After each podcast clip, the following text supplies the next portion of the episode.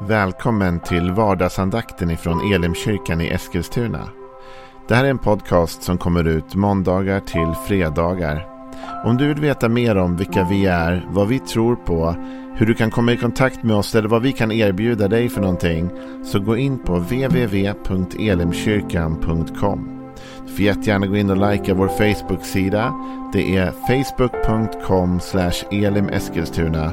Eller så söker du upp oss på YouTube och då söker du på Elimkyrkan Eskilstuna. Vi vill jättegärna komma i kontakt med dig. Men nu lyssnar vi till dagens andakt. Välkommen till vardagsandakten. Vi är inne i en serie om psalm 127 som är en fantastisk psalm. Som i min bibel, eh, som jag läser just nu, som är folkbibeln 15. Står det som rubrik Allt beror på Herrens välsignelse. Och det är en pilgrimssång av Salomo.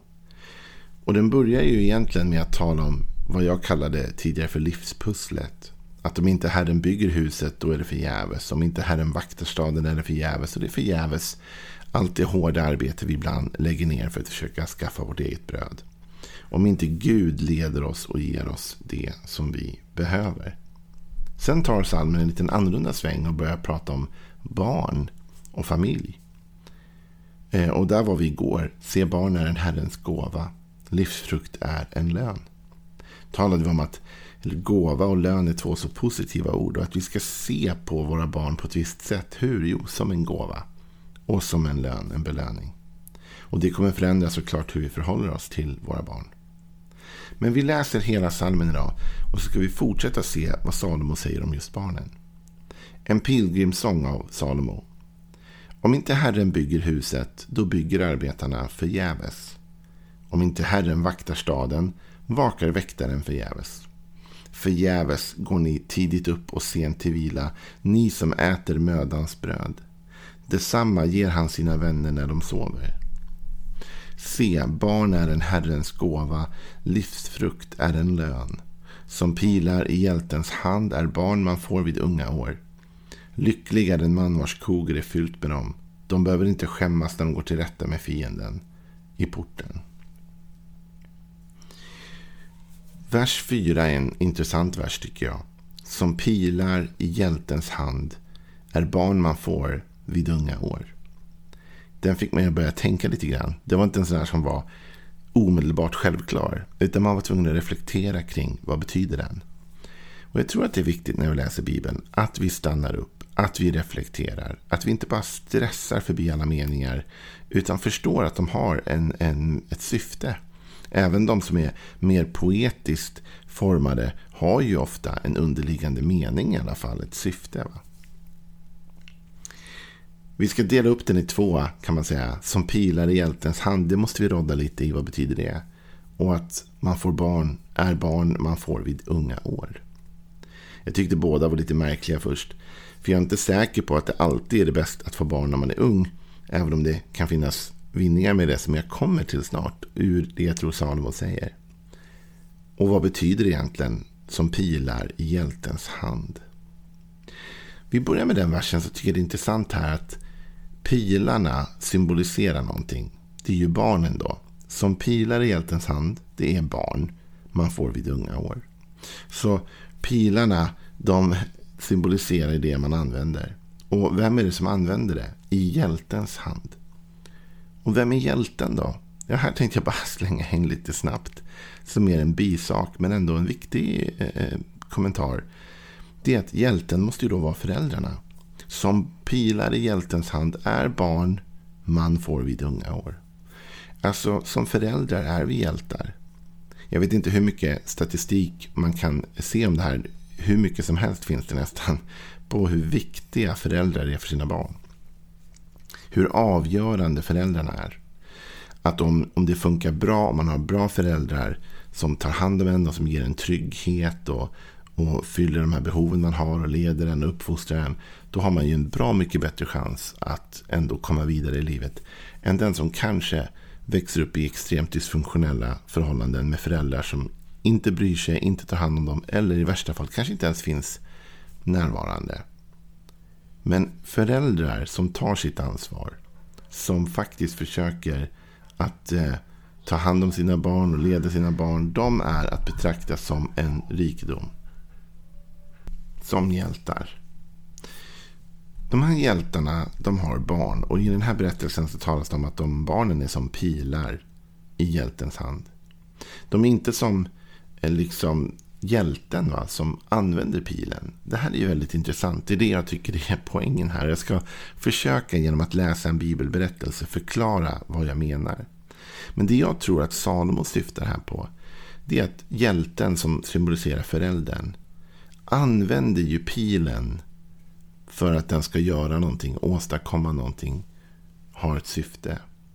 Så det är förälderns uppgift, tänker jag, att använda barnen likt hjälten använder pilen.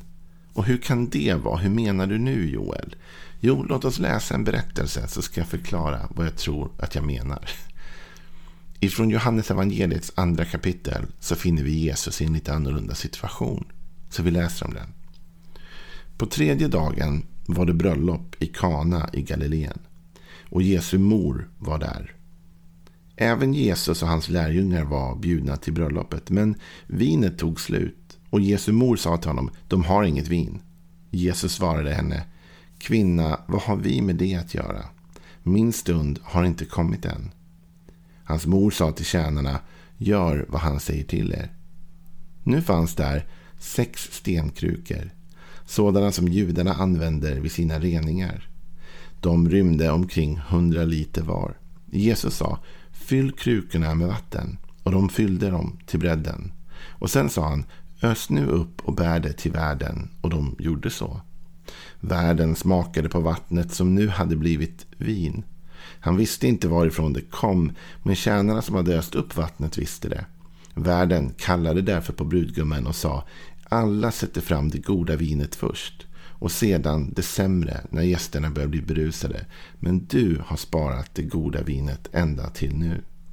Detta var det första av de tecken som Jesus gjorde.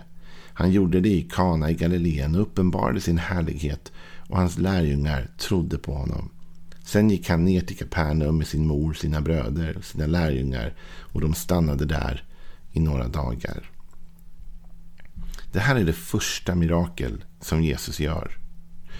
Och i den här berättelsen, om vi skulle förvandla den till, Dav, till Salomos eh, bildspråk, så är Jesus pilen och Maria, Jesu mor, är hjälten. Därför att det är faktiskt Maria som använder Jesus för att skapa ett mirakel kan man säga. Det är i alla fall hon som sätter honom i riktning. Likt en hjälte skjuter en pil i en viss riktning så skjuter Maria Jesus i en riktning. Och det är på det sättet Maria som faktiskt trycker ut Jesus i hans första mirakel. Det är inte konstigt egentligen att det faktiskt är Jesu mamma, Jesu förälder här som är den som lite forcerat faktiskt pressar Jesus att leva ut sin potential. Att göra det som han kan göra. För det börjar ju så. Att Jesu mor var på ett bröllop i Galileen och Jesus och hans lärjungar var också där. Och vinet tar slut. Och i den här kulturen på den här tiden så var det här såklart väldigt illa för de som anordnade festen. Det får inte hända va. Och Jesu mor säger till Jesus, de har inget vin. Och vad hon egentligen säger är ju inte att de inte har något vin. Hon, hon poängterar ju inte bara ett faktum, utan det hon säger till Jesus är Gör något åt det här Jesus. Det är ju det hon lägger över på honom. De har inget vin. Och det är också det som Jesus uppfattar att hon säger. Jesus kunde ju bara ha sagt Ja, jag vet, jag såg det. Nej, nej, men Jesus förstår att det hans mamma säger är inte bara de har inget vin. Utan det hon säger är Gör något åt det. Därför han svarar henne kvinna. Vad har vi med det att göra? Min stund har inte kommit än. Så Jesus först reagerar negativt på detta. Han är inte beredd. Han känner inte att han är redo. Och då ska vi väga detta. Det här är ju hans första mirakel. Han är inte redo än känner han. Min stund har inte kommit än. Men här är det intressanta. Att Jesu mor som får spegla hjälten i det här fallet. Hon vet att han är redo. Hon har sett någonting om honom som han själv kanske inte riktigt än har sett eller upplevt eller vågat kliva ut i. Men hon styr den här pilen. Hon vet den här pilen är redo att flyga i en viss riktning. Och jag ska försöka pusha honom dit. Men det är ändå bra att hon pushar. Hon pushar lite på ett eh, trängande så. Trycker på lite. Men hon tvingar honom inte. Utan hon låter det vara där. Hon, när han säger till, det är inte minst under min tid, då respekterar hon det och hon kliver åt sidan. Men hon kliver inte helt åt sidan, utan hon ser ju till att förbereda, för hon tror ändå att han kommer göra något åt det här. Så hon går till tjänarna och säger gör vad han säger till er. Så hon förbereder dem runt omkring på att ändå agera när Jesus väl börjar handla. Så här tänker jag. Den här berättelsen beskriver det Salomo talar om. Det är vår uppgift som föräldrar att förbereda våra barn och skjuta dem i någon form av riktning, eller hur? Om de är pilar så är de i vår hand och vi skjuter dem åt ett håll. Vi försöker hjälpa dem, pusha dem, utmana dem, se potentialen i dem och trycka dem i den riktningen. När det är läge så vet vi att vi ska säga nu är det din tur. Steppa upp nu. De har inget vin här. Ja, men det är inte min tid. Jo, det är din tid. Jag vet att du har det i dig. Jag vet att du kan. Och nu ska du kliva ut och göra detta. Vad hade hänt om inte Jesu mor Maria hade pushat Jesus här? Vad hade hänt om hon inte hade liksom antytt att du måste göra något åt det här Jesus? Hon pushar honom. Och hon lägger honom som en pil i sin hand och skjuter i en viss riktning.